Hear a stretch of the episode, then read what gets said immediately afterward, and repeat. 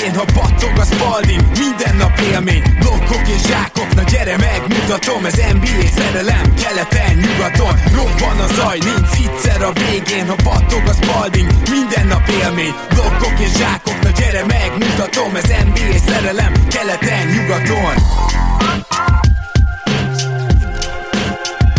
Éj jó! Szép jó napot kívánok mindenkinek! Ez itt a Rep City keleten-nyugaton podcast a Trade Deadline után. Én Rédai Gábor vagyok, és mint mindig most is itt van velem Zukály Zoltán. Szia Zoli! Szia Gábor, sziasztok, örülök, hogy itt lehetek. Mielőtt még átbeszélnénk azt a rengeteg dolgot, ami az elmúlt héten történt, mert csere lavina végre újra is, látszik is egyébként, hogy végre elkezdenek kiperegni azok a szörnyű szerződések 2016-ról, mert ugye egyre több csere van, és valószínűleg a 2019-es FA piac is egyre durvább lesz, szóval ennek mindenképpen előszerét láttuk most.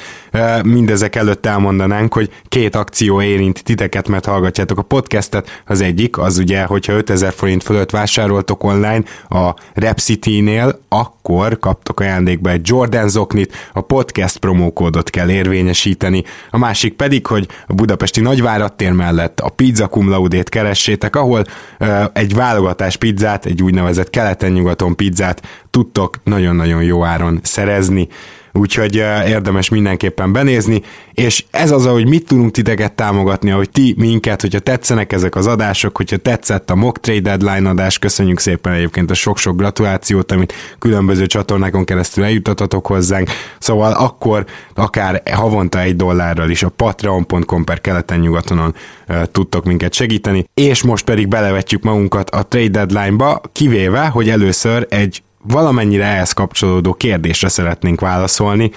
Ugye beszéltük itt, Zoli, hogy végül is ez egy Facebookon jött kérdés, de egy nagyon jó kérdés, amiben mi nem igazán nyilatkoztunk meg, úgyhogy lehet, hogy ezzel kezdenénk. Így van, pontosan. Én azt gondolom, hogy nagyon érdekes, sőt, talán a, az egész trade deadline-nak a, a legérdekesebb mozzanata volt az, ami végül ugye meg se történt, és, és ez ugye az Anthony Davis csere, illetve hát ugye Davis nem elcserélése, erről mindenképpen érdemes legalább egy 5, de, de akár egy 8-10 percet is beszélnünk, azt gondolom, mert hát mégiscsak azért a legnagyobb névről van szó, aki, akinek az elcserélése egyáltalán felmerült ezekben a napokban, és sokan egyébként biztosra vették azt, hogy meg is fog történni ez a csere. Nekünk szerintem más véleményünk volt erről a dologról, erről is beszélünk majd. Így van. A kérdés az egyébként Bencétől jött. Röviden összefoglalva, az esetek többségében, inkább 100%-ában a cserét játékosok nagyon rossz színben vannak feltüntetve. Sokszor hangzik el, hogy ők uralkodnak a csapat felett, hálátlanok, stb. Ha a másik oldalról nézzük, nem korrektebb előre megmondani, hogy nem fogok szerződést hosszabbítani, cseréljetek el, most kaptok értem ellenértéket? Amennyiben ez nem történik meg, azt szerintem jobban hátráltatja a csapatot, és az adott játékos ingyen lép le, sok bajnok esélyes konkurenciájához esetleg, mint Lamarcus Aldridge, Kevin Durant és sorolhatnánk. Mi erről a véleményünk? Hát akkor ebből a kérdésből induljunk ki, mert nyilván Davis kapcsán merült ez fel, és mindenképpen egyetértek, sőt azt azért mondtuk is szerintem, hogy ugye a Pelicans nincsen rossz helyzetben, sőt, mindenképpen egyetértek azzal, hogy a játékos részéről előre szólni jobb, Kérdés, hogy mennyivel előre szólsz, mert Paul George nem szólt azért másfél évvel előtt, előre. Én azt gondolom, hogy így, hogy másfél évvel előre szólt Anthony Davis, így egy tényleg olyan mindenki által transzparensen majdnem látható licit háború indult el, amit olyan szempontból megnyert a Boston, hogy most nem cserélték el, de, de azért még, még nem vagyunk abba biztosak, hogy ezzel feltétlenül a legjobban járt a New Orleans, abba viszont biztosak vagyunk, hogy itt tényleg több csapat összecsapott Anthony Davisért, és a New Orleans Pelicans pedig kényelmesen Páholyból figyelhette, hogy jönnek az ajánlatok, illetve volt egy olyan opciója, hogy kivár a nyárig, amilyen opciója például az Indiánának ugye már nem volt, tehát hogy sok, sokféle lehetőséget kapott ezzel a New Orleans, úgyhogy Összességében ezt viszonylag korrektnek érzem, meg az egész Anthony Davis-es eljárást is, de hagyd tegyem hozzá, hogy egyelőre Anthony Davisnél nincs akkor a leverage, tehát elmondhatja ő, hogy hol, hova menne, meg ilyesmi, de nem fél év van hátra a szerződéséből, és több csapat is úgy gondolhatja, hogy ha ő contender Anthony davis akkor igenis megtartja. Úgyhogy, úgyhogy itt most azért nem ez a klasszikus példa van, ahol Anthony Davis uralkodik a csapat fölött, sőt. Így van, sőt, nagyon érdekes az egész. A Ringerék, illetve Ben Simmons nagyon szépen összefoglalta a szituációt az egyik vendégével a minap. Az Bill Simmons, de hagyjuk benne, hogy Ben Simmons, mert tetszik. Ben Simmons mondtam, igen. Igen, uh, igen tehát Bill Simmons. Davis abból a szempontból most, most tényleg és egy utólag már szerintem kijelentetjük, hogy szerencsétlen helyzetben volt, hogy van most a Pelicansnál egy csomó olyan tényező, ami hát nem egy specifikus állapot.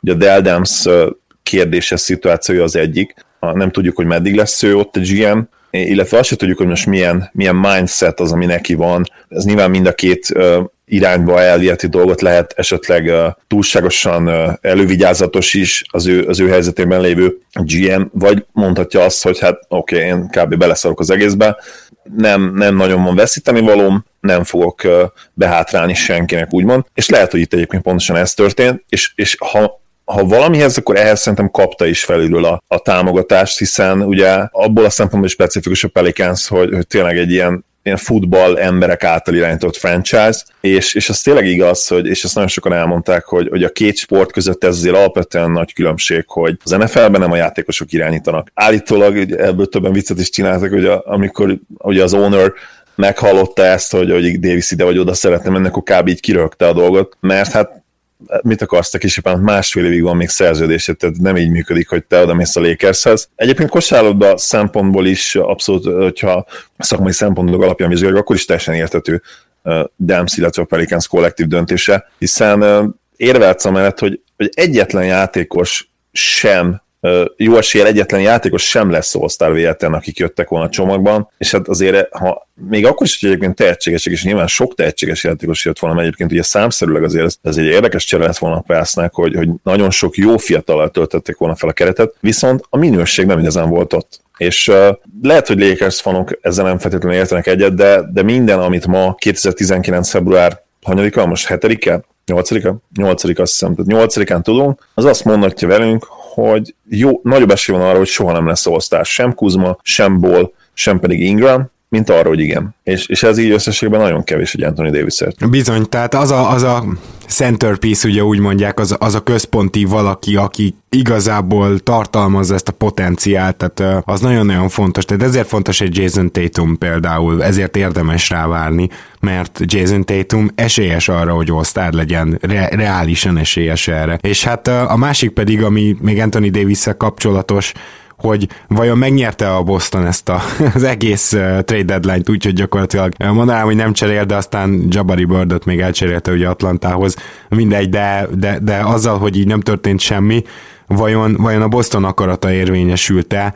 Én azt gondolom, hogy igen, mert hogy nem vagyok benne százszerzékig biztos, kevés ilyen hír jött, de, de nem hinném, hogy nem keresték egyébként a csapatok Anthony Davis miatt Deldem széket. Szóval én azt gyanítom, hogy legalább óvatos, tapogatózó ajánlatok máshonnan is befutottak. Olyan szálak, amiket fel lehetett volna venni, amiket vissza lehetett volna hívni.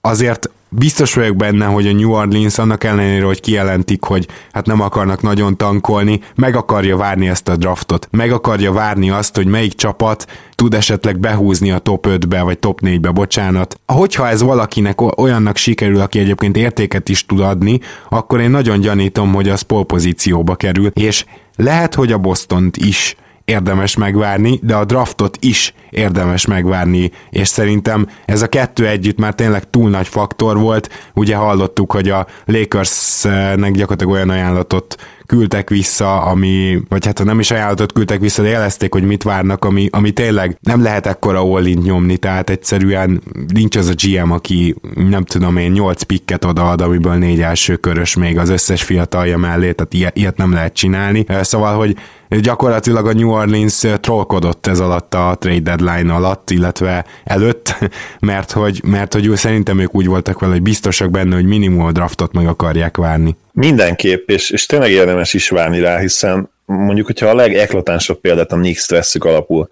ugye nekik van cap space-ük, tömérdek cap space-ük, és hogyha ha ők mondjuk behúznák az első, vagy mondjuk a második picket, lehet, hogy a második pikkel még könnyebb lenne ez a döntés nekik, hiszen Zion nem biztos, hogy elcserélnek, ugye? Ő, ő nagyon nagy box office lenne New Yorkban, erről beszéltünk már. Őt, őt nem biztos, hogy akár még egy Anthony davis is elcserélnek. Viszont, hogyha mondjuk a második pick lesz az övék, és RG Barrett, szemelnyi kétségem nincs a felől, hogy egyből beállják majd Anthony Davisért, mert ha Anthony Davis ott van, és, és lehet, hogy Anthony Davis azt mondja előzetesen, hogy, hogy én csak elébe akarok menni, csak Los Angelesbe, a Knicks biztosan azt fogja mondani, és teljes joggal, hogy jó, minket ez nem érdekel, mert ne haragudj, mi maga biztosak vagyunk, hogyha téged ide tudunk hívni, akkor garantáltan fog jönni egy másik sztár is, és nem tudom pontosan, hogy a cap lehet, hogy még egy sztárra lenne egyébként helyük. Erre például a nyakamat tenném, hogyha, hogyha ővék lesz a második pick például, vagy a harmadik, biztos, hogy beajánlják azt a fiatalt a, a pelicans és akkor már mondhatja azt a Pels, hogy akármilyen további játékosokat, vagy, vagy future pickeket adnak mellé, egy ilyen potenciál bíró játékos mellé, már jobban jártak, mint, mint a Lakers, hát számottevő, de azért nem ilyen színvonalú csomagjával. Pontosan így van. Hát szerintem akkor nagyjából lezártuk ezt a, ezt a témakört, de, de örülök neki, hogy ezt így körbe tudtuk járni. Na csak azért is, mert egyébként a New Orleans is, és a rengeteg csapat volt elképesztően aktív itt az elmúlt egy hétben, és azt szeretném, hogy azért nézzük végig ezeket a cseréket, Nyilván lesz olyan, amire sokkal kevesebb szót vesztegettünk, például a Monroe second pickkel, meg a James Ennis, tehát hogy ezt majd el kell mondani, hogy volt két csapat, például a Toronto és a Houston, aki ki akart, eh, ha nem is teljesen, de minél jobban kikerülni a luxusadó alól, illetve minél kevesebbet szerettek volna fizetni, szóval igen, voltak ilyen múvok is, de, de rengeteg nagy fajsúlyos múv is volt, Úgyhogy szerintem kezdjük is el egy olyannal, ami időrendben viszonylag hamar volt, talán majdnem egy hete, de nem is fogunk talán sokat beszélni róla. Ugyanis Nick, Nick Stauskas és Wade Baldwin költözött gyakorlatilag Radney Hoodért Clevelandbe, és tudni kell, hogy a Cleveland utána még hasznosította ezt a két játékost, és ezen kívül ugye még second round pick is ment Clevelandbe, Úgyhogy összességében én csak annyit szeretnék mondani, hogy Radney Hood nem tudom miért került ennyibe, nem tudom, hogy miért jobb ő feltétlenül, mint Nick Stauskas, és a Cleveland nagyon-nagyon jó volt az egész trade deadline alatt, tehát ezt hozzáteszem, hogy Clevelandet tartom az egyik nyertesnek, tehát Kobe Altman szuperültette a dolgát, és szereztek egy második körös pikket. Szerintem ez tök jó. A Portland meg nem hiszem, hogy náluk majd megváltja a világot, főleg hármasban Hood. Engem is meglepne, bár ugye volt Hoodnak egy olyan időszaka korábban, ahol, ahol nagyon jól mennek a játék, ugye még a jazzben, de hát az, az ilyen pünkösdi királyság volt. Én egyébként örülnék neki, hogyha megtalálna újra azt a formát, mert, mert a Blazersben egyébként kellene még egy ilyen típusú játékos a padra, abszolút, mint ami ő lehetne, de, de ha most kellene értékelni, akkor én is azt mondanám, hogy, hogy a Cleveland azért megnyerte ezt a cserét, de nyilván ez, ez abból is fakad, hogy, hogy nekik azért könnyebben elérhető céljaik voltak ezzel a, ezzel a cserével. Itt nyilván a Blazers az, aki kockáztat egy kicsit, de hát érzik ők is, hogy, hogy ahhoz, hogy igazán veszélyesek lehessenek a play kell még egy ilyen úgymond a semmiből jött találat, ami, ami, ami egy olyan játékos lehet, akiben a potenciál nagyobb, mint amilyen az értéke most volt, és ez nyilván húd volt, és lehet, hogy ezért fizettek többet érte, mint, mint amit, ami a mostani értéke valójában. Hát igen, ráadásul rosszul is mondtam, hogy nem is egy, hanem két second run pick ment, tehát a 21-es és a 23-as. Persze a 22-est azért nyilván nem tették bele, arra nagyon kíváncsi leszek 22-es second run pickeket, azt szerintem ilyen late first értéken fogják kezelni a franchise-ok, ugye 22-ben lesz majd az a draft, amikor uh, eltörlik a van and szabályt, és non and lesz, tehát magyarán egyből az egyetem uh, megkezdése előtt is akár a gimi után mehetnek majd a játékosok jelentkezhetnek NBA draftra. Na de ez egy másik kérdés, viszont most akkor szerintem nézzünk egy olyat, ahol egy 2022-es második körös is benne volt a pakliban, ez pedig az, hogy a Sixers átvette gyakorlatilag készpénzért Malakai Richardson-t, és 22-es második köröst kapott a Raptorstól.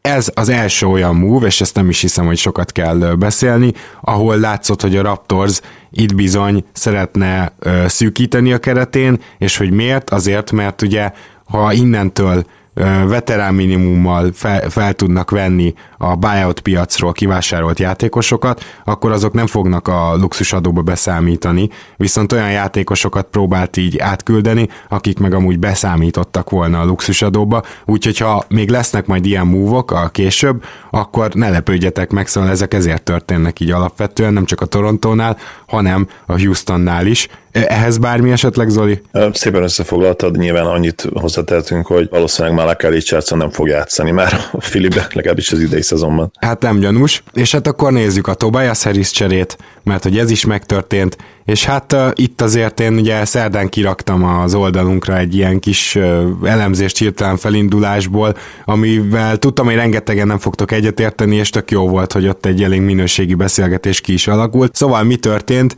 Ugye Boban Marjanovic és Mike Scott társaságában Tobias Harris a Clippers-től átkerült Philadelphiába. Cserébe megkapták uh, Mike Muscalát, Landry Semét, Wilson Chandlert és egy 2020-as elsőköröst, a, és a Miami 2021-es védetlen első körösét, és még két második köröst. Zoli, te mit szóltál, amikor megláttad ezt a cserét, mert én, én csak a Clippers részéről voltam elájulva a dologtól. Hú, nekem ez tipikusan az a csere volt, aminek kellett egy kis idő, hogy leülepedjen, és, és minél többet gondolkodtam, hogy annál inkább tetszett ez nekem a Sixers részéről. Először is én, én nagyon szeretem azt, amikor egy GM Brahis, és, és tényleg úgymond már, már esetleg idő előtt próbál all nyomni, és, és tényleg ugye egyértelműen megindulni a bajnoki címért, ugye a Sixersnél teljesen egyértelmű, hogy most már ugye ez történik, hiszen, hiszen olyan Big Four-t összehoztak most ezzel, ami hát azért a, a Warriors után talán, talán a legerősebb jelen pillanatban a ligában, én azt mondom, hogy, hogy összeértékre, és most már ugye nagyon jó fitre is, erről is majd egy kicsit beszéljünk, ugye, ugye Harris kapcsán. A Clippers részéről már az elejétől nekem nagyon tetszett ez a dolog, ők is ugye magabiztosak, nyilvánvalóan a, a nyárra készülnek, és megmondom őszintén, hogy nem értek egyet azok a hangokkal, akik azt mondják, hogy, hogy ezzel most akkor egy playoff futást eldobtunk magunktól. Hát milyen playoff futás könyörgöm? A Clippers a nyolcadik helyet volt versenyben, a, a szezon első felében nagyon jól teljesítettek, de hát szokás szerint ugye, amire egyébként számítottunk, sajnos teszem hozzá, mert ugye egyik személyes kedvencem Gáló megint kidőlt. Teljesen egyértelmű, hogy ő nem tud konzisztensen egészséges maradni, és szerintem ez is belejátszott abba, hogy, hogy a Clippers meglépte ezt, illetve nyilván tudták azt is, hogy, hogy két lehetőség lenne nyáron, vagy Tobias Harris megtartják évi 30 plusz millióért, amit szerintem nem akarsz megtenni semmilyen esetben sem. És ezzel mondjuk kicsit egyébként a filiálni is beszélek, mert ők sem feltétlenül akarják majd ennyit meghosszabbítani, de Szóval a Clippers részéről szerintem ez egy ilyen lose-lose szituáció volt a nyáron, mert vagy elveszítik semmiért Tobias harris vagy vissza kell őt igazolni 30 plusz millióért, és hát szerintem egyiket sem akarod megtenni nyilvánvalóan. Úgyhogy, úgyhogy az ő részükről szerintem ez, ez tökös és nagyon jó, ők is nyilván abban bíznak, hogy sztárokat tudnak oda vinni a nyáron. Most arról még ne is beszéljünk, hogy top 14, tehát lottery protected a pikjük, Hát éppen szerintem nem fogják nagyon-nagyon sajnálni, hogyha kicsúsznak, mert Gáló cserével még mindig bőven meg tudják csinálni majd a két max helyet.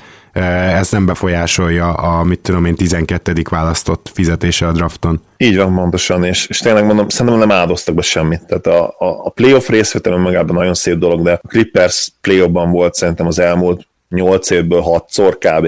Igen, és hát... igen, és akkor még ott vannak a, a fantasztikus eszetek, tehát ez szerintem nagyon-nagyon jó a 21-es Miami Peak védetlenül, az nagyon jó igen, eszet igen. lehet. Abszolút, abszolút, úgyhogy, úgyhogy a Clippers, clippers kapcsolatban már az elejétől tetszett, hogy mondtam, és most is nagyon tetszik, és meggyőztem magam arról, hogy, hogy ez a Sixersnek is nagyon jó, mert szerintem ez reális esélyt ad nekik, hogy, hogy akár már idén döntőbe kerüljenek, és hát a, a keleti playoff az egy hihetetlen daráló lehet innentől, mert majd beszélünk a többi csapatról is, ugyanis nem, nem a Sixers volt az egyetlen, amelyik jelentősen erősíteni tudott. Igen, és akkor a Sixers részéről meg, hogy itt átvegyem a fonalat és a, a, a beszéd folyását, erősödött mindenképpen a Sixers, mondjuk én, én nem tartom akkora fitnek Tobias Harris, szóval az a helyzet, hogy ugye neki kellett egy olyan négyes, aki viszonylag jól tud védekezni, meg bedobja a triplát, és ebből a másodikat mindenképpen elismerem, hogy elképesztően jó benne Harris.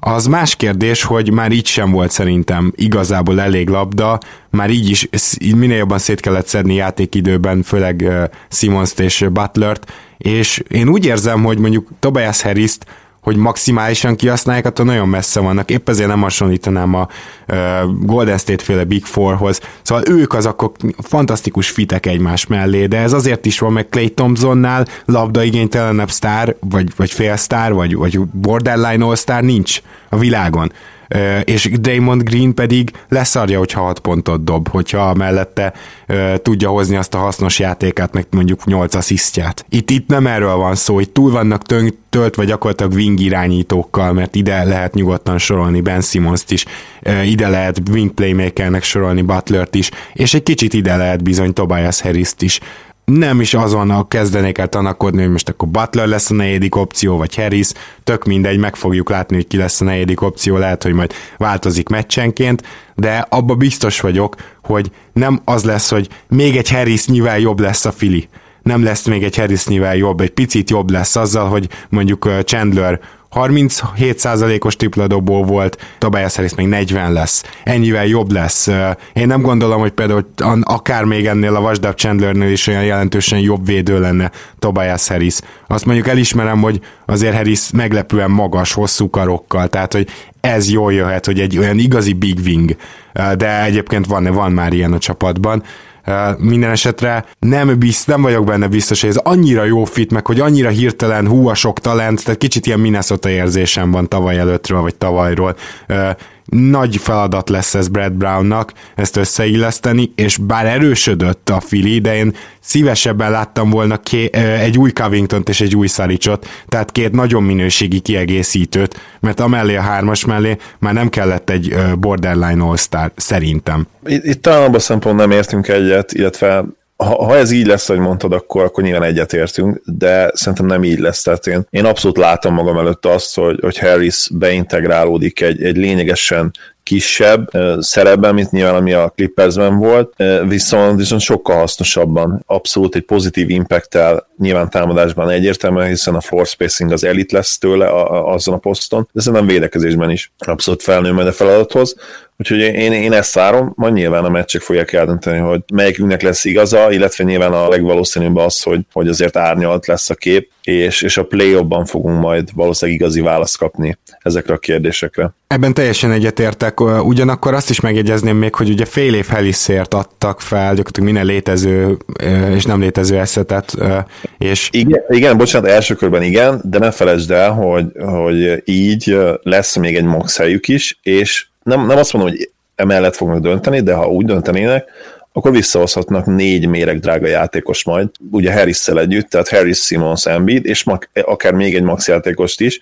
Így van, tehát akkor például, hogyha Butler elmegy, így van, így van. Ugye Harrisnek ez pozitívum, hogy kisebb a cap holdja. És uh, mondjuk ez az, amit már én is az írásomban elemeztem, hogy ez, ez, egy, ez egy pozitív dolog lehet, hogyha így marad, a do, így marad és uh, igazából a Butler csere nélkül most fantasztikusan néz neki ez a csapat, hogyha még Covington uh, is lenne ott. Tehát, uh, és, és hogyha, hogyha ezt így javítják ki, akkor mondjuk le a kalappal. Szóval én nem is csak a playoffig, hanem lehet, hogy nyárig várnék azzal, hogy megítéljem ezt a cserét úgy igazából. Igen, és mondjuk azt tegyük hozzá, hogy Butlernek azért ott lesz egy playoff, hogy, hogy a kétkedőket többek között minket, mert ugye mind a ketten kétkedők vagyunk, mondjuk ki, hát hogy rá, ránk cáfoljon, és azért én bár ellene fogadnék, nyilván a házat azért nem tenném rá, elképzelhető, hogy egy, egy brutális playoffot fog lehozni. Nagyon érdekes ez a, ez a Fili, hasonlóan egyébként a Celticshez, meg a Raptorshoz is, mert sőt, én még azt mondom, hogy a Buckshoz is, mert a, a plafon azt szerintem minden négy csapatnál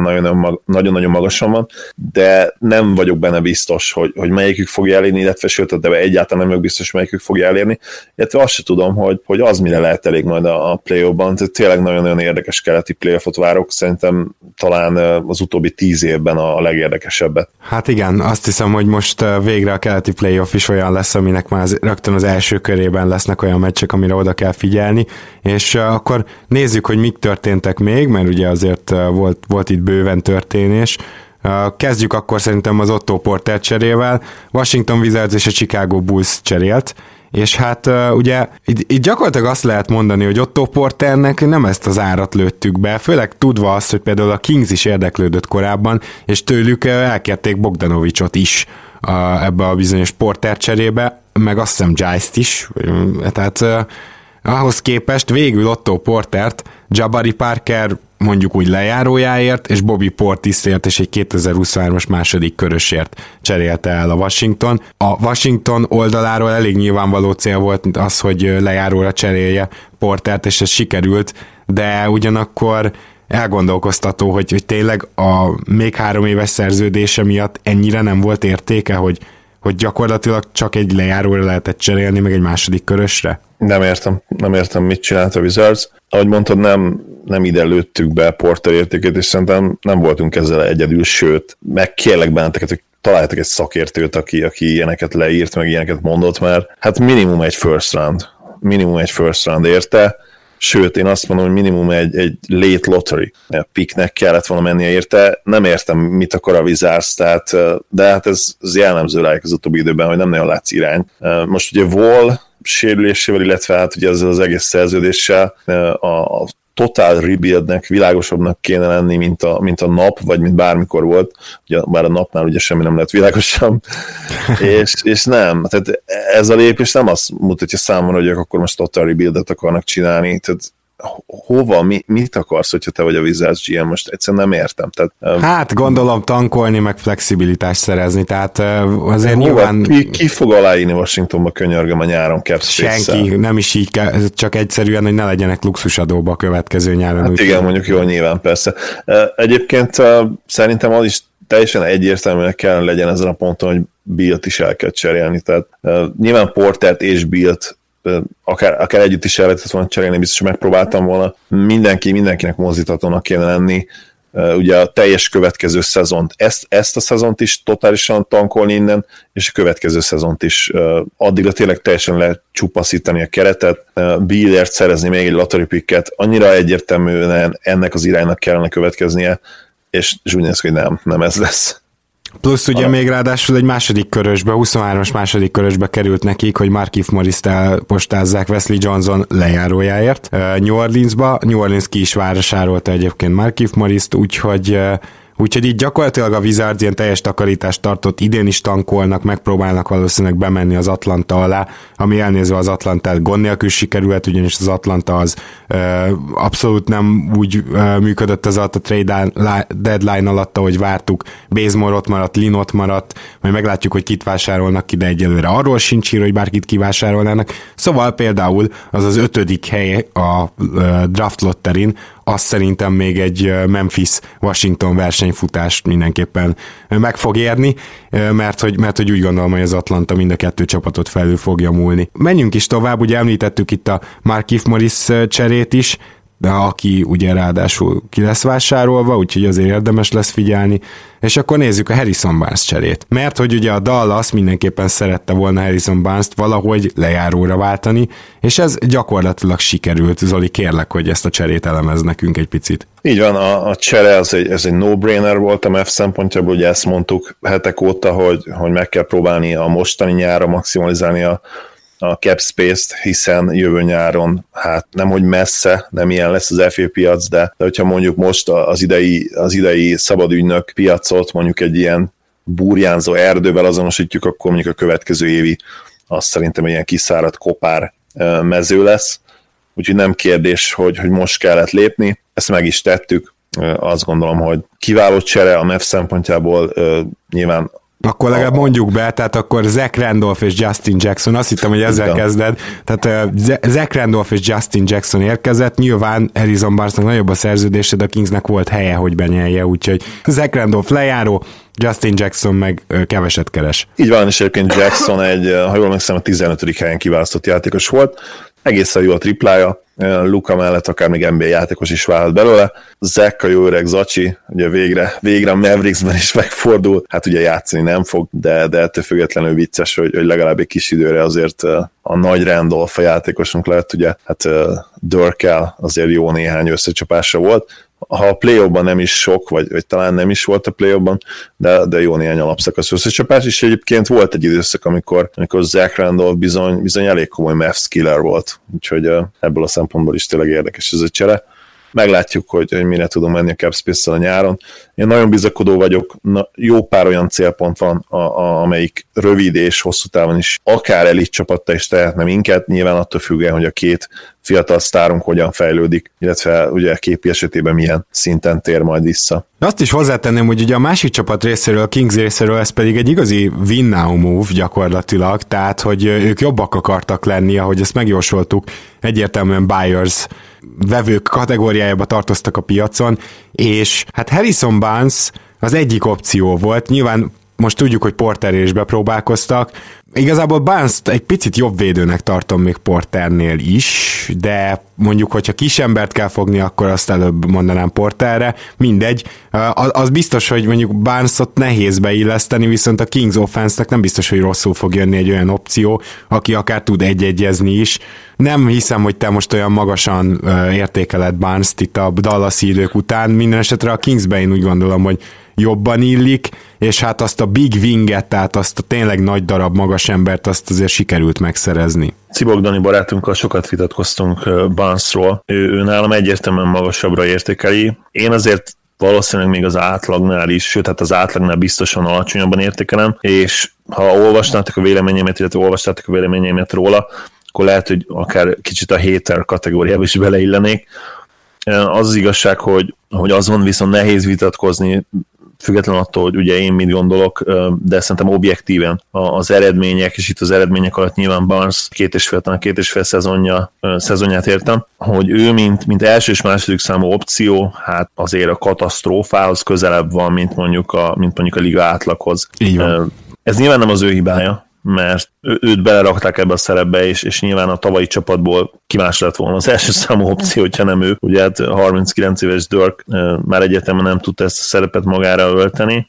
Érdekes lesz a, a Nix, a, érdekes lesz a Nix-et mondtam, nem tudom miért, nem valószínű, hogy, hogy Barnes-t megpróbálnak megszerezni nyáron. Szóval érdekes lesz a Kingsben az, hogy, hogy mint mondjuk mint harmadik számú opció mire megy, mert azt gondolom, hogy, hogy így legjobb esetben harmadik számú opció lesz ott, lehet, hogy negyedik, igen, tehát uh, most a, ha Crunch Time line nézzük, akár negyedik is, de egyébként nyilván Fox és Hill lesz, a, akik továbbra is Igen. a legnagyobb szkorerek, és ugye jön a padról Bogi, illetve a Crunch Time line szerintem Barnes lesz a négyes emellett a három mellett. Hát meg, meg Begley elég, elég komoly usage dolgozik, amikor bent van, és egyébként említsük meg, hogy, hogy elég szép dolgokat csinál mostanában, úgyhogy uh, szerintem őt is, őt is azért lassan oda vehetjük, lehet, hogy kezdő is lesz, bár, bár nyilván nehéz ennyi, ennyi jó vingel Beglit oda rakni a kezdőbe úgy, hogy, hogy akkor nyilván meg ki kéne venni ugye VCS-t. Igen, tehát ugye ahhoz már azt kell, hogy a Begli erőcsatárként VCS-sel együtt fent, az, az nem, nem hiszem, hogy működhet a mai ligában, és hát ahhoz még egyszer mondom, túl tehetséges a Kingsnek a perimeter állománya.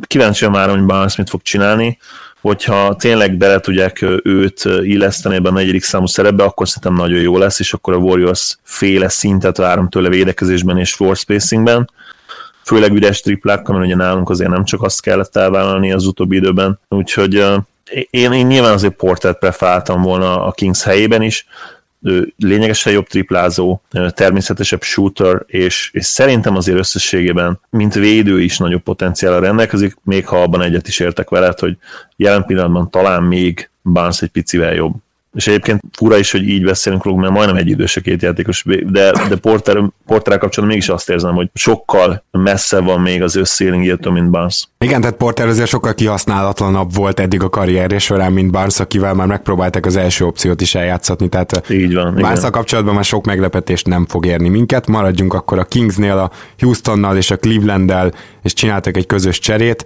amiben Alec Burks kötött ki a Kingsnél, ami nem egy rossz húzás, egy második körös pick is, a Rocketshez ment Iman Shumpert, Wade Bolvin és Nick Stauskas, akit korábban említettünk, hogy milyen jól felhasználta még a, a Cavs, és így jött a Clevelandnek Brandon Knight szerződése és Marcus Chris mellett egy 2019-es Houston elsőkörös.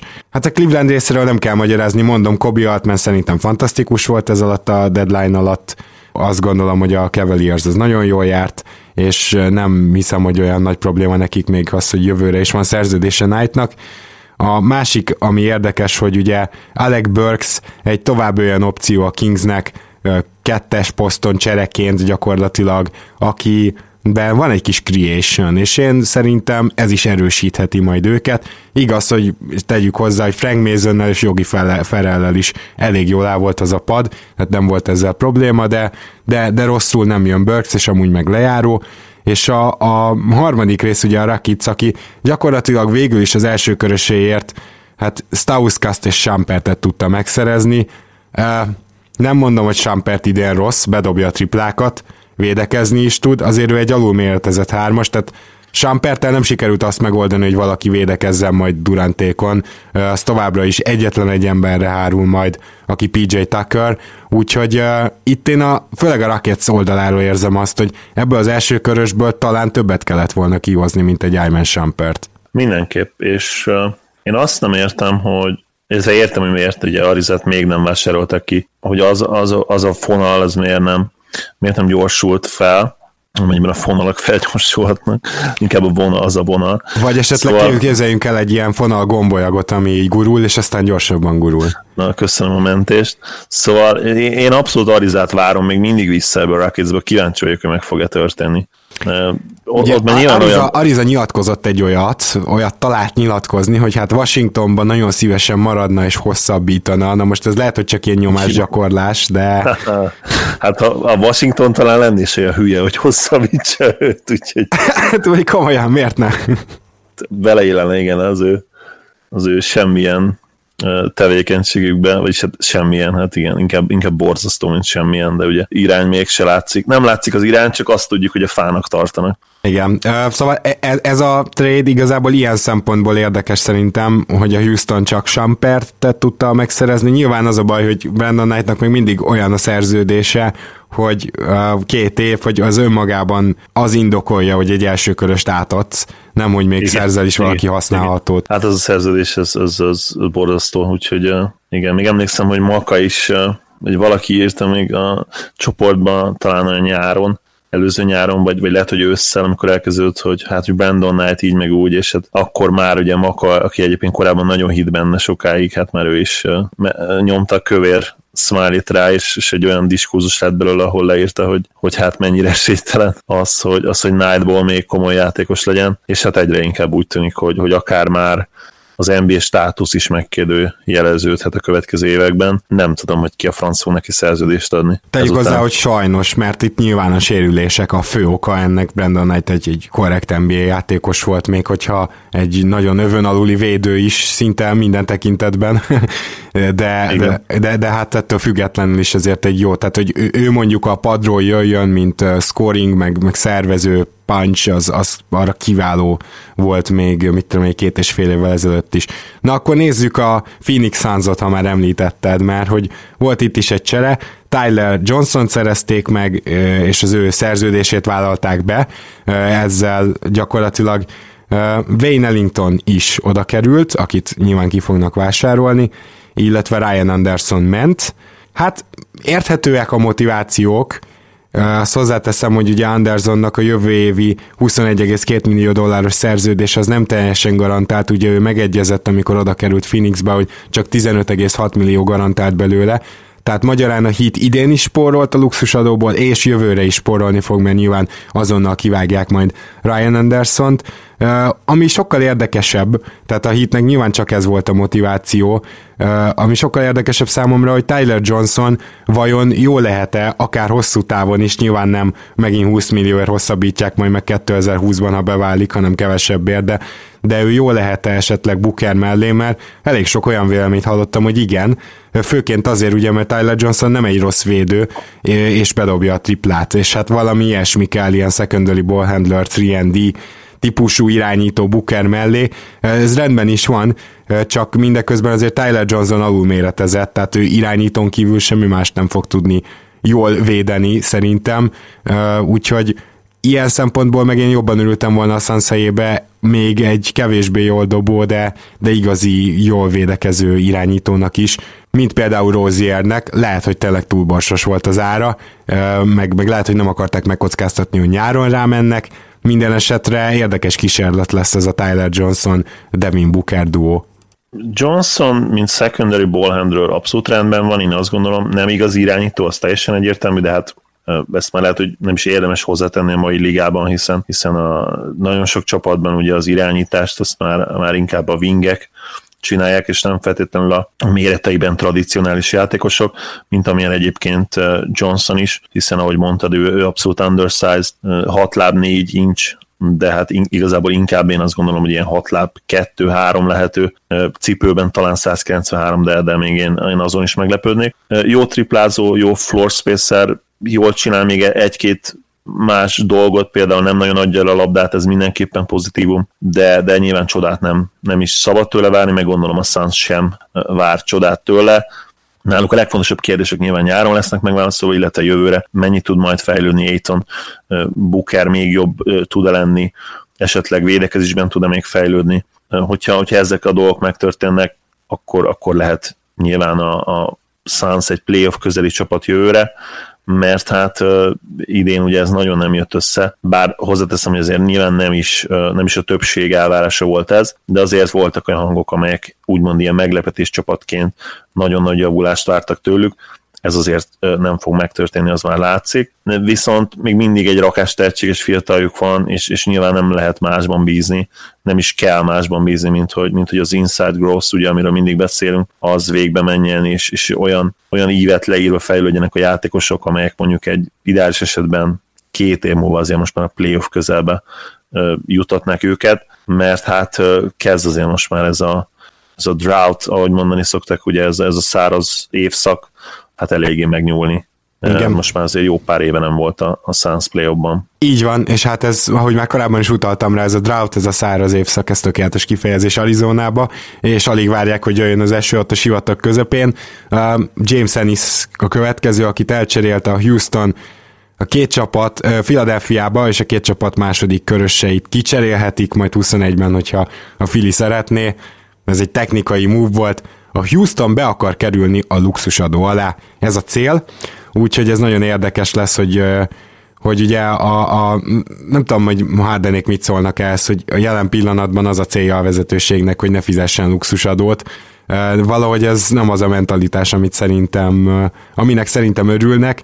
Ennis pedig további erősítés a Philadelphiának, mélyíti a keretet, kettes, hármas, négyes poszton bevethető, tök jó lesz ott. Tehát, hogy lehet, hogy keveset játszik, ahogy láthattuk Houstonban is, arra nem alkalmas Ennis, hogy egy Ariza volumenben játszon. Nem azért, mert akkor elfelejt védekezni, hanem olyan mennyiségben ő nem lesz stabil tripladobó. Viszont Philadelphiába épp hogy csak be kell ugrania, ami szerintem tökéletes lesz neki, bedobja azt a két sarok triplát, aztán csókolom, úgyhogy a Philly részéről teljesen értető a motiváció, hogy miért segítették ki a Houston luxusadós terveit. Így van, jól összefoglaltad. Igazából ez a, ez a pick swap megoldás, ez az ilyen cserék, ez tökéletes, amikor az egyik csapat, ahogy mondtad, megsegíti a másikat luxusadó szituációban. Egyébként azt hiszem, hogy hogyha ugye korábban beszéltünk Malakai Richardsonról, hogy nem fog játszani a Filiben, most ennek kapcsán jutott eszem, mint hogyha őt vévelték is volna egyből, úgyhogy... Igen, hogy egyáltalán Ennis tudják venni azért Malakai Richardson. Amennyiben ez így volt, így el, igen, elég valószínű, hogy nem fog játszani a sixers Igen, igen, igen. Menjünk is tovább akkor azt gondolom, mert hogy itt az ideje, hogy beszéljünk az esti trédekről gyakorlatilag. Nick Stauskas és Wade Baldwin tovább került, mégpedig az Indiana Pacersbe, tehát a Houston nem tartotta meg őket, és ez azért érdekes, mert ezzel már tényleg a, a luxusadó alá kerülnek, vagy legalábbis közelébe, úgyhogy gyakorlatilag Indiana Ike Anikbogut kitette a keretéből, hogy végbe tudjon menni a csere, plusz mind a két érkezőt is kiteszi.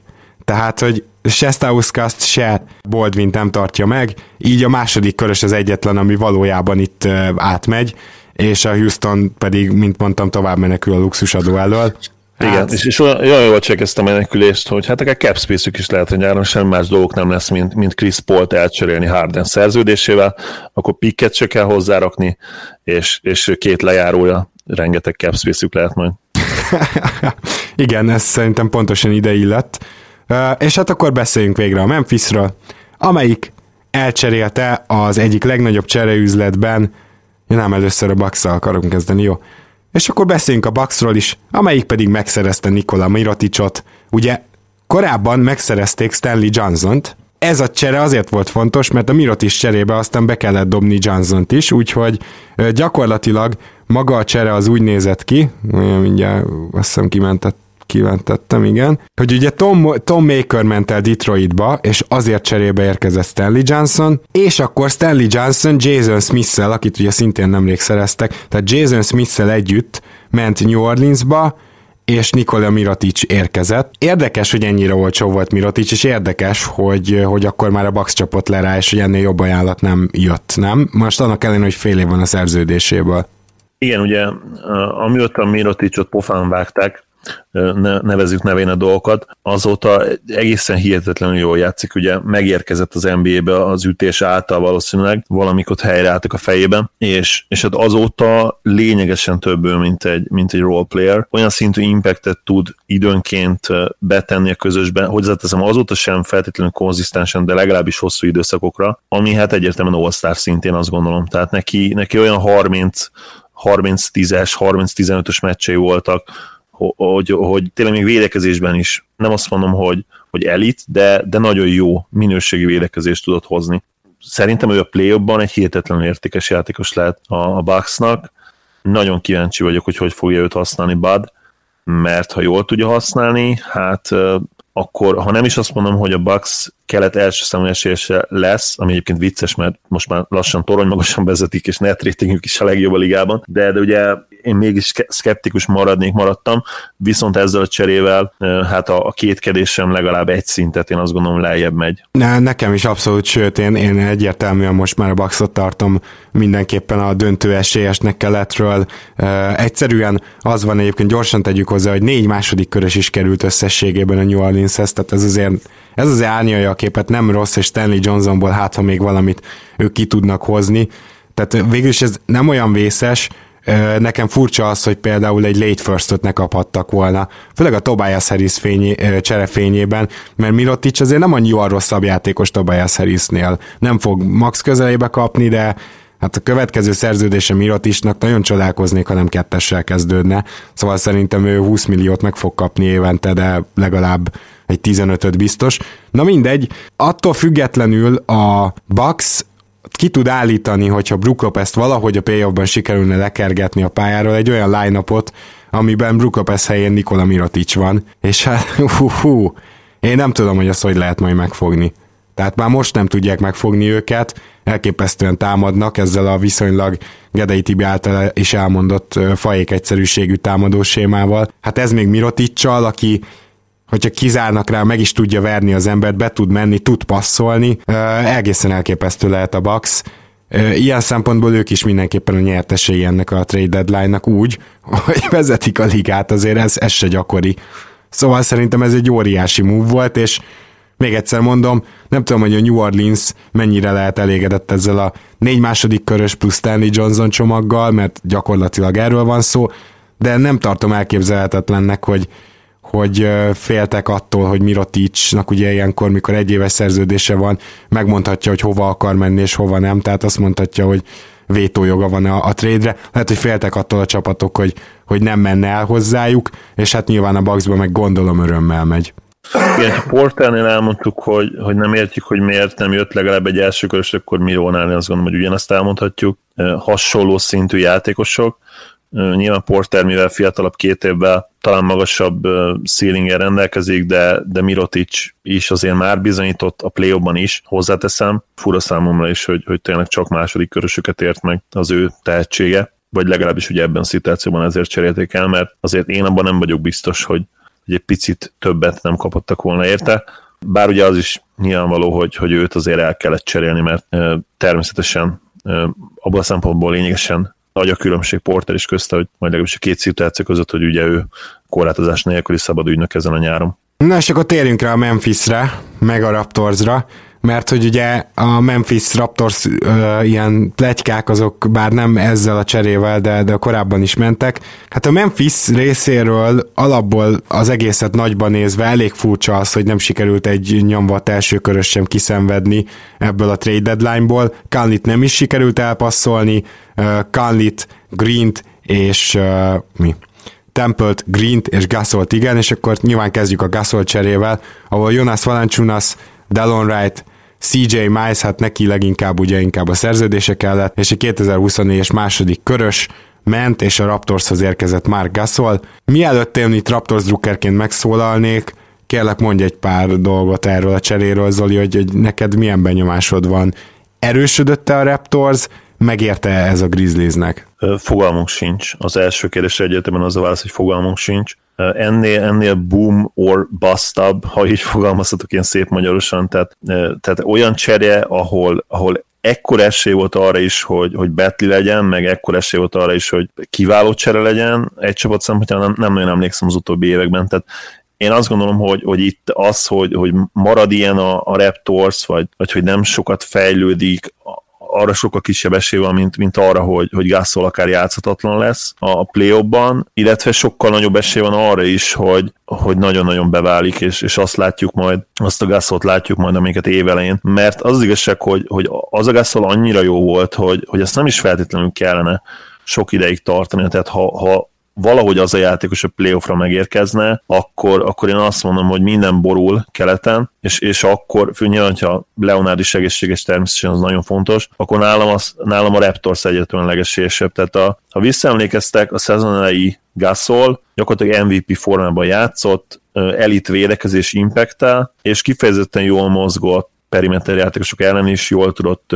kisegíteni, besegíteni, mindenféle segítésben jó volt, nyilván kivéve a, ugye a blokkolás, amiatt soha nem volt az erőssége, de ugye nem is kéne itt. Mondom, lehetetlen megmondani most még, de az biztos, hogy, hogy a támadó rendszer nagyon jó beilleszkedik, ugye Molnár Ádám posztolt nemrég a, a csoportban, hogy, hogy az elbow, tehát ugye a könyök pozícióból a, a pályán onnan Gasol az egyik legjobban passzoló magas ember, és, és a támadásainak a, a nagy részét, a, az ő usage a nagy százalékát ugye onnan használja fel, és, és ez pont hiányzott a Raptorsból ez a dimenzió eddig, és akkor ugye onnan, onnan mehetnek a, a triplák is, ugye onnan kiosztásból, illetve a, a betörések, illetve a labda nélküli mozgások, amiben elsősorban Siakam lehet nagyon erős majd, Úgyhogy tényleg ez a válasz, hogy nem tudom megmondani a választ, viszont, viszont valami, tehát, tehát tényleg az a megérzésem, hogy, hogy ez vagy nagyon-nagyon jó lesz a Raptorsnak, vagy nagyon-nagyon rossz.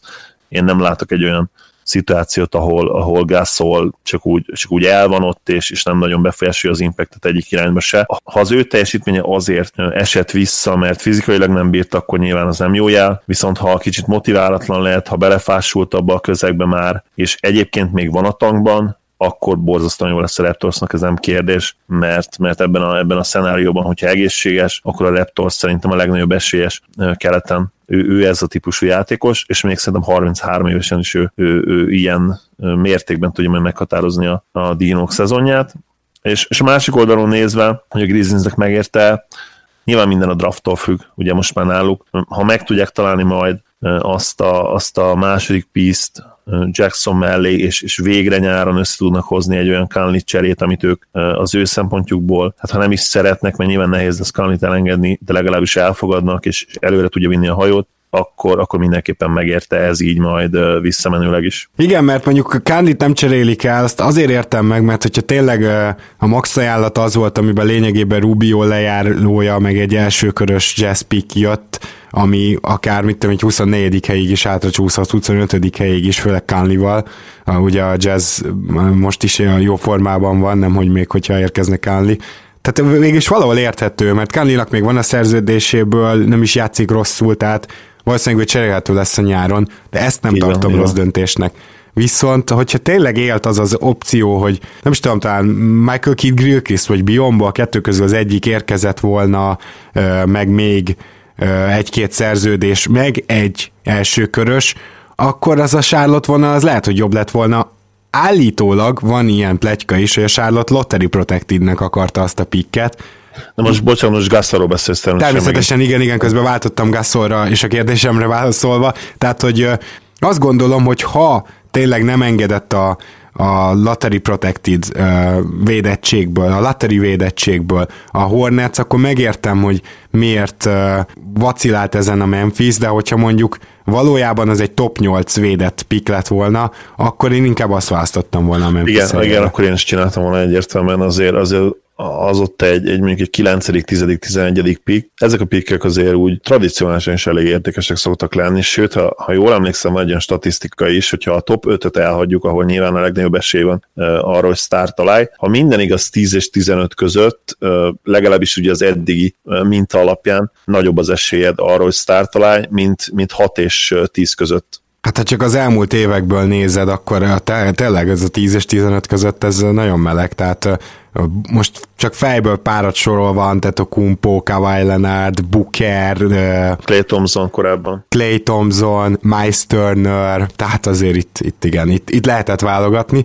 Na mindegy, majd egyszer beszéljünk arról is, hogy ez vajon miért lehet. Én szerintem a Memphis nem járt annyira jól, Valanciunas és Delon Wright is bár fiatalok, de már nem annyira fiatalok. Én nem hiszem, hogy nagyon sokkal több lehet bennük. Én nagyon-nagyon szeretem Valancsunaszt, de ő neki a leges leghatékonyabb felhasználási módszerét az idei idejében láthattuk. 20-25 perc, viszont akkor használod is, és folyamatosan pick and roll vele. Igen, e, igen. Hozzáteszem, ő, ő képes lehetne arra, hogy iszonyú monster statokat hozzon le. Tehát ő a 20-10-et azt olyan könnyen összehozná, 35-35 perc játékidővel, mint a pinty, mondjuk ilyen Kenterhez hasonlóan. Picivel jobb védekezése, csak nyilván az a csapatnak nem lenne jó. Igen, ezzel egyetértek. A Wright-ban még azért lehet, hogy több van, tehát hogyha ő most megkapja valamennyire a karmesteri pálcát, de mivel Kálni maradt, azért ez nem valószínű. Ő azért egy nagyon-nagyon jól védekező játékos, illeni fog a Grizzlies kultúrájába, úgyhogy ezt megértem, csak ő se biztos, hogy így igazán egy ilyen első körösnyi tér. Mindegy, hát a Grizzlies valószínűleg úgy gondolkozott, hogy ezeket a játékosokat azért megnézi, meg például azt, hogy Valanciunas tud együtt létezni a pályán Jaren Jackson Jr.-ral. Viszont volt egy másik csere is, amit, uh, amit igazából megmagyarázni lehet, csak érteni nem. Ez pedig az, hogy Gerett temple és J. Michael Green-t nemes egyszerűséggel a Clippershez Avery Badliert cserélte el a Memphis. Hát én, én szerintem ezért a két játékosért csomagba akár első köröst is lehetett volna kapni, egy late firstot, egy contendertől mondjuk, vagy pedig külön-külön mondjuk három-négy második köröst. Ehhez képest az, hogy Bradley érkezett, arra az egyetlen magyarázat az, hogy ugye Bradleynek nem teljesen garantált jövő évre a szerződése, és a nyáron tovább lehet cserélni, ha valaki spórolni szeretne, hogyha nyáron valakinek hirtelen kell cap space, akkor gyorsan cserélnek Bradleyért, kirakják, és így felszabadul a cap space, és ezért elképzelhető, hogy a Grizzlies kap majd még egy első igen. köröst. Ez tud, az egyetlen. Milyen, igen, tudod milyen move ez a grizzlies Ez a tipikus ilyen, ilyen elodázó move, tehát ők azt akarták, hogy úgy ugye így semmi mellett nem kell elkötelezniük magukat, és, és ez megint számomra abba a képbe illik bele, hogy, hogy ők igazán nincsenek még mindig elkötelező a rebuild mellett, és hogy ők relevánsak akarnak maradni, ami szerintem a legrosszabb az NBA-ben, ami csak lehetséges. Főleg egyébként azért fura nekem ez, hogy, hogy a tavalyi szezonban azért elnyerték a jutalmukat, és itt most nem szarkasztikusan mondom, hanem tényleg egy, egy elképesztő jó prospektet megkaptak a tankolásért, tehát hogy, hogy miért nem lehet ebbe az irányba elmenni a következő két-három évben, ezt én, ezt én nem értem, és nyilván soha nem is fogom megérteni az ilyen csapatokat, akik, akik egyszerűen nem hajlandóak arra, hogy, hogy a drafton keresztül építkezzenek. Mondom, nekem ez a, ez a csere is ezt mondatja, ezt mutatja meg számomra, hogy, hogy el akarták odázni megint kicsit a, a komolyabb döntéseket a nyárig, hogy mégis minél több opció maradjon, miközben szerintem az, az egyetlen opciónak már rég ki kellett volna rajzolódnia. Igen, tehát ugye az asset hoardingot hiányolod, ahogy ezt szokták mondani, az eszetek felhalmozását, ez az, amit nem igazán sikerült megcsinálni ez alatt a trade deadline alatt, ami több, mint furcsa, és hogy a Raptorsra is gyorsan reagáljak. Én nagyon szkeptikus vagyok, én úgy gondolom, hogy a Raptors most, a Raptorsnál a Bucks ezek után mindenképpen esélyesebb, de lehet, hogy a Boston és a Philly is arra, hogy döntőbe jusson, ugyanis az a problémám, hogy Gasol és Ibaka nem fog egymás mellett létezni, és Ibaka Nyilván annak köszönhetően, hogy Lauri ilyen teljes irányító üzemmódba tudott kapcsolni DeRozan nélkül, de ettől függetlenül Ibaka fantasztikus szezont hoz. Lehet, hogy Gasol összességében egy jobb játékos, semmiképpen nem jobb védő most már szerintem, bár hát lehet, hogy neked lesz igazad, és még látjuk azt az évelei Gasolt, én ebben nem hiszek.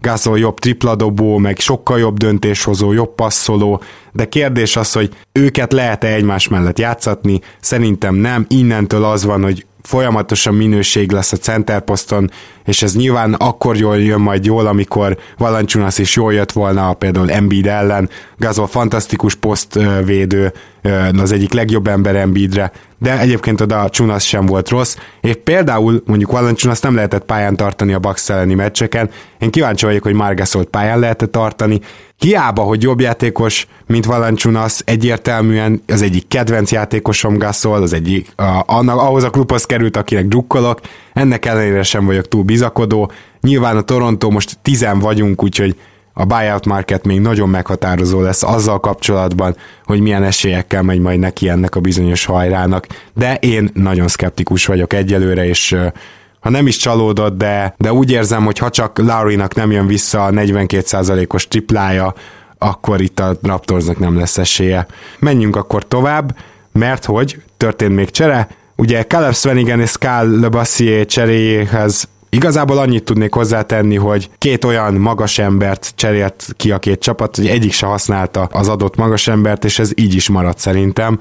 Számomra értetetlen a King szempontjából, főleg mert azért Skába szerintem több potenciál van, mint Caleb Svenigenbe, aki egy izó ember, jó pattanózó, de ennyi. Igen, hogy a Scala, Scala kapcsolatban a, a szokásos probléma az, hogy, hogy bármennyi esélyt kapott, nem tudott vele élni, és nem tudta megmutatni azt, hogy ez egyébként hihetetlenül magas szintű benne rejlő tehetség, az, az a pályán is meg tud mutatkozni. Ugye NBA meccs keretek között, sajnos ezt ő, ő nem tudta megmutatni eddig, eddig a ligában, csak, csak az egyetemen, nem tudom, most már azért elég késő van neki, és, és tényleg talán még az utolsó szezon jövőre, ahol, ahol megmutathatja majd magát, hogy, hogy ő, ő tényleg NBA játékos és NBA talent. Kérdés az, hogy ezt Portlandben hogy tudja majd megtenni, mert egyáltalán nem biztos, hogy pályára kerül, úgyhogy hm, majd azért értem, érdemes lesz figyelni, hogy mi lesz vele. Na hát akkor az utolsó, ami nagyot szólt, az Markel Fultz cseréje volt. Előtte még annyi, hogy Mack és helyet cserélt Tyler Dorsey-val. Én Dorsey-t egyébként nem tartom tehetségtelen játékosnak, ugye az Atlantában pont a kettes poszt elég erős, így nem annyira került pályára, de ez mondjuk tetszett a Memphis részéről, mert nyilván úgy jött Wright, így Mekket el kellett sózni, Mekket meg ki is vásárolta az Atlanta, ebben nem ment második körös sem, azt hiszem ebbe a történetbe, de akkor tényleg vissza a Fulsz cserére, ahol, aki ért végül a Magic bejelentkezett, és hajlandó volt egy első köröst adni. Ez egyébként nagyon furcsa, mert ugye egy egy per egyesről beszélünk, van, aki csodálkozott azon, hogy csak ennyi az ára, van, aki meg azt mondta, hogy úristen, ennyi az ára, tehát hogy lehet, hogy tényleg a kettő közöttet kellett belőni, de az OKC első körösét odaadta a Magic, és emellett ment egy második körös is, meg természetesen, hogy meglegyen a csere, hiszen egyik csapat sincsen a csapka alatt, ezért Simons, Jonathan Simons ment át Filibe. Na hát mit szólunk ehhez? A Simons nagyon érdekes, mert ő, ő tényleg egy használható játékos, aki, aki akár idén még, még playoff rotációban is lehet majd, és ha jól tudom, akkor a jövő évi szerződése nem teljesen garantált, úgyhogy, Így van. úgyhogy csinálják azt, hogy egy nagyon sikeres playoff run után megköszönjük neki azzal, hogy, hogy katolják őt, lehet, hogy egy, lehet, hogy a bajnoki cím, címet követő ünneplés alatt, meg azért talán nem, azért ezt megvárják valószínűleg a júliust vele, de, de érdekes szituáció ez. Mondom, kifejezetten jó húzása a Filinek, sőt, tehát ő, ő ugye egyértelműen megítélhető jó húzás, ugye harris kapcsolatban nem feltétlenül voltunk egyetértésben. És akkor Markel Fultz, ugye, hát az ő sorsa úgymond megpecsételődött már a Filinél abban a pillanatban, amikor ugye az ügy, ügyvédjével történő konzultáció után bejelentette, hogy akkor ő kiüli a szezon. Állítólag ugye az ügyvédjével is beszélt, nem csak az orvosaival. Ott egyértelműen vége volt a, a, a Fili történetnek. Nyilván a Sixersnek ez egy hatalmas bukás, hiszen mégiscsak azért az első pikket tékozolták el, úgymond, tehát nyilván nem sejtették, hogy ez lesz, úgyhogy, úgyhogy talán azért nem lehet őket megfedni.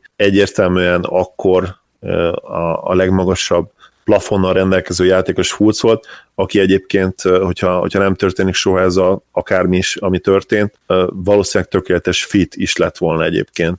Mind Simons, mind Embiid mellé, mint, mint egy perimeter scorer, aki, aki dobni is tud, hát aztán ugye tudjuk, hogy mi lett. Nem tudom, hogy van neki még visszaút, nem tudom, hogy itt, itt tényleg egy, egy mentális dologról is van szó, mert ugye az teljesen egyértelmű, hogy fizikai sérülésről igen, csak itt a kérdés az, hogy, hogy az idegpályák sérültek-e a vállaiban, hogy, hogy itt arról van szó-e, hogy valami visszafordíthatatlan dolog van, az ő mechanikájával, az ő, az, az ő egészségével, Hát a Magic biztosan meg fogja vizsgálni ugye az orvosi vizsgálatokon ezt a részt, mielőtt szentesítik ezt a cserét, úgyhogy azért, hogyha, hogyha valami véglegeset találná esetleg a Magic, amit Igen, csak ugye állítólag ez, ez maximum ilyen feltáró, tehát vagy lehet, hogy még ilyen feltáró műtétes sem feltétlenül lehet megmondani, hogy ugye nyilván nem fogják felvágni a vállát, és, és belenézni ott, a, ott az idegpályákba, hogy, hogy ott milyen sérülés van, hogy van ugye becsípődve ez, a, ez az ideg, mert ha jól emlékszem, ez, a, ez az ő probléma, ez ilyen ilyen, ilyen idegek becsípődés ott ugye a válnál, ami, ami ilyen krónikus is lehet egyébként, illetve az, az érdekes, hogy, hogy testmozgással, illetve sérülés után, vagy úgy egyébként is úgy saját magától is kialakulhat, úgyhogy ez, ez még, még misztikusabbá teszi ezt a, ezt a dolgot, aminek most nem teszem már nevede, de hát ugye olvastatok róla már gondolom eleget. Valami melkasmenti szindrómának fordítják magyarul? Igen, talán? igen, valami ilyesmi, köszönöm. Én nagyon szókolok még mindig Fulsznak, mert egyébként tényleg egy, egy hihetetlenül egzotikus, érdekes prospekt volt, tényleg az, egy, az egyik leglátványosabban játszó egy per egyes hogyha az egyetemi szezonra gondolunk, az utóbbi szerintem egy évtizedből, de hát nem úgy néz ki eddig, hogy, hogy NBA játékos lesz belőle hosszú távon. Remélem, hogy a Magicnél rá tud száfolni, mert egyébként, ha valamelyik csapatnak, illetve valamelyik csapat megérdemelne egy kis pozitív fordulatot, akkor az egyértelműen a Magic azért. Hát igen, tehát hogy a, majd egyszer csinálunk egy olyan adást, terve van, ahol értékeljük az NBA franchise-okat az elmúlt években, és hát szerintem még a Suns sem kap majd akkor a, nullást vagy egyest, mint a Magic, tehát hogy a messze a legrosszabbul futtatott franchise most a Kings felemelkedésével már egyértelműen kimerem jelenteni, úgyhogy ja, nagyon érdekes az is, hogy ha egyébként Simonsban nem teljesen értünk egyet, tehát mondjuk az idei számait megnézed, az annyira tragikus, hogy az ilyen legrosszabb játékos az NBA-ben címre nyugodtan pályázhat, de nyilván egyébként nem egy olyan szarvédő, meg, meg, meg lehetséges, hogy mondjuk a Filiben egy kis motivációval azért ezeket felül tudja majd múlni, de az nagyon érdekes, hogy Fulc, egy, Fulc egyáltalán játszik-e idén Orlandóban. Most azért sok mindenre így fény derülhet, mert azért gondoljunk bele, hogy a Fili oldaláról azért sokszor jött már ki az, hogy hát a Fili nem annyira jól kezeli a játékosait, vagy, vagy nem elég türelmesek. Hallottunk ilyen történeteket. Én kíváncsi vagyok, hogy most egy kicsit több dologra fény derül-e majd, hogyha Fulc Orlandóba költözik. És akkor hát én egy cserét még mindenképpen megemlítenék, mert ez is olyan, amit hát nem nagyon értek. Ez pedig az, hogy uh, Muscala, akit ugye megkapott a Clippers, tovább ment a Los Angeles másik végébe, ahogy szokták ezt mondani, pedig nem is igaz. Ibiza Zubácsot sikerült megszereznie így a Clippersnek. Miért csinálta ezt a Lakers? Tehát nem tudom, ott van Wagner ilyen, ilyen opciónak, aki tud dobni és magas. Miért volt fontos az a Muscala, aki idén hát mondhatjuk, hogy besült Filadelfiába. Annyira nagyon jót nem mutatott, hogy, hogy ezért felad azt a Zubácsot, akinek rohadt kicsi a cap holdja a nyáron. Igen, fogalmam sincs meg, és még akkor sem találunk erre magyarázatot, hogyha egyébként megemlítjük, hogy még, még ezen kis cap ellenére is eh, valószínűleg nem maradt volna Zubac nyártól eh, aranylila, mezben. Nem tudom tényleg, tehát mondom, mondom, így se értem, mert Muszkala szerintem nem osztam szoroz, és bár a, kezdeti első egy-két hétben, talán egy-két hónapban látott betlizése után, amikor ugye egyáltalán nem tudta bedobni a triplát, utána, utána feljavult, szóval még ennek ellenére sem jó azért ebben a szezonban, az utóbbi hetekben is elég ingadozó volt a formája. Nem rossz játékos ő nyilván, de, de nem értem, hogy egy Lakersnek miért kell. Ja, én is ezt teljesen értetlenül állok ezelőtt, ugye ez egy nagy nagyobb lejáró, nyilván Beasley kellett a szerződéshez, átküldték, egyből kivágta a Clippers, ezt is rögtön sejtettük. És még egyszerre maradt a Raptors, egy második köröst is el kellett, hogy küldjön, azért, hogy Greg Monroe-t elküldhesse Brooklynban. Sean Marks már megint bezsebelt egy második köröst, nem tudok erre mit mondani. A Raptors pedig továbbra is ugye azt szeretné, hogy minél kevesebb, csak tényleg az aktív rotáció maradjon, és emellé pedig veterán minimumból, ami nem számít majd be a luxusadó alá, tehát abból hozzanak a buyout marketről kiegészítőket, e, emögött ez volt, nyilván itt Enes Kanterek, meg ugye Gortatot kivásárolták, tehát hogy egész tűrhető játékosok, mint harmadik center ott lesznek a piacon, és valószínűleg szívesen jönnek majd contender csapathoz, úgyhogy valószínűleg így gondolkodott Masai Ujiri. Ettől függetlenül sem gondolom azt, hogy ennyire jó így szórni a második köröseinket, úgyhogy lehet, hogy a nyáron elmegy, lehet, hogy nyáron kilép mondjuk Gasol és elmegy Kawai, mert hogyha ez megtörténik, akkor onnantól tankolni kell, vagy legalábbis újra kell építkezni, szóval, szóval nekem ez se volt annyira szimpatikus. Hát igen, de ugye a második körös ahhoz meg nem feltétlenül kell, úgyhogy Egyébként visszatérve a buyout marketre, én remélem, hogy azért nem, nem feltétlenül az lesz a legfontosabb, hogy a harmadik számú centereteket megtaláljátok, mert ennél lennének nagyobb nídek most a csapatban. Abszolút, tehát a Torontónál ugye Delon Wright kiesése a legfőbb fájópont, mert a padon így is nagyon kevés kreativitás volt, nyilván ha mondjuk velük is játszik Mark Gasol, akkor az egy nagy plusz lesz, de ettől függetlenül Fred Van Vliet igazából egy off-the-ball irányító, és mellé pedig egy Jeremy Lin tökéletes lenne, csak remélni merem, hogy kivásárolják, de ha nem, akkor például a Milos Teodosic esetleg maradna az NBA-be még egy fél évre, akit szintén kivásárolt a Clippers, akkor őt tartanám még egy nagyon jó opciónak a Toronto padjára. Ú, Miloszt imádnám a Torontóban, nagyon-nagyon jó fit lenne. Nyilván pocsék de de hát ez Torontóban pont mindegy, hát érted, itt OG Ananubik, meg Fred Van Vliet-ek rohangálnak igen, a padon. Igen, tehát... talán megoldanák igen a termentesítését. Igen, igen. Na hát végigértünk, kedves hallgatók, ahogy szerintem most ti is, ha átgondoljátok, hogy mennyi mindent elmondunk, és lehet, hogy még egy-két dolog ki is maradt, azt majd jelezzétek nekünk kérlek, hogyha így történt, de, de azért ezen mind végig menni brutális trade deadline volt. Tehát az elmúlt egy hét az tényleg a Porzingis cserével együtt, meg pláne így ránk Arról, arról nem is beszéltünk, ugye most pedig arról is lett volna még egy 20 percet nyilván. De így van, nagyon-nagyon mozgalmas volt. Nyilván igazán nagy sztár, hát ugye érvehetsz amellett, hogy nem is nagyon cserélt csapatot, nyilván képi, hogyha, tehets, hogyha egy ekkora tehetséget már úgymond sztárként kezelünk, akkor nyilván ő volt, de ugye egyébként azért nem nagyon. Hát a nyár, nyár az, az még ennél is érdekesebb lesz, az nem kérdés. Így van, mint ahogy a következő adásaink is nagyon érdekesek lesznek, reméljük, mert tök jó dolgokat tervezünk, úgyhogy elnézést ezen a héten csak kétszer jelentkeztünk, jövő héttől ismét gyakrabban leszünk, csak most meg akartuk egyszerűen várni a trade deadline-t, mert hiába adunk ki egy elemző podcastet, amikor mire meghallgatjátok, már hat új dolog történt, mi gondoltuk, hogy így egybe megyünk végig, és akkor jövő héten pedig majd hétfőn vagy kedden jelentkezünk legközelebb. Zoli, nagyon szépen köszönöm, hogy ma is itt voltál. Örülök, hogy, hogy itt lehettem, köszönöm a lehetőséget. Most kicsit akkor ugye megmixeltük a, a szokásos elköszönést. Sziasztok! Jó, van, kedves hallgatók, köszönjük, hogy hallgatok minket. Sziasztok!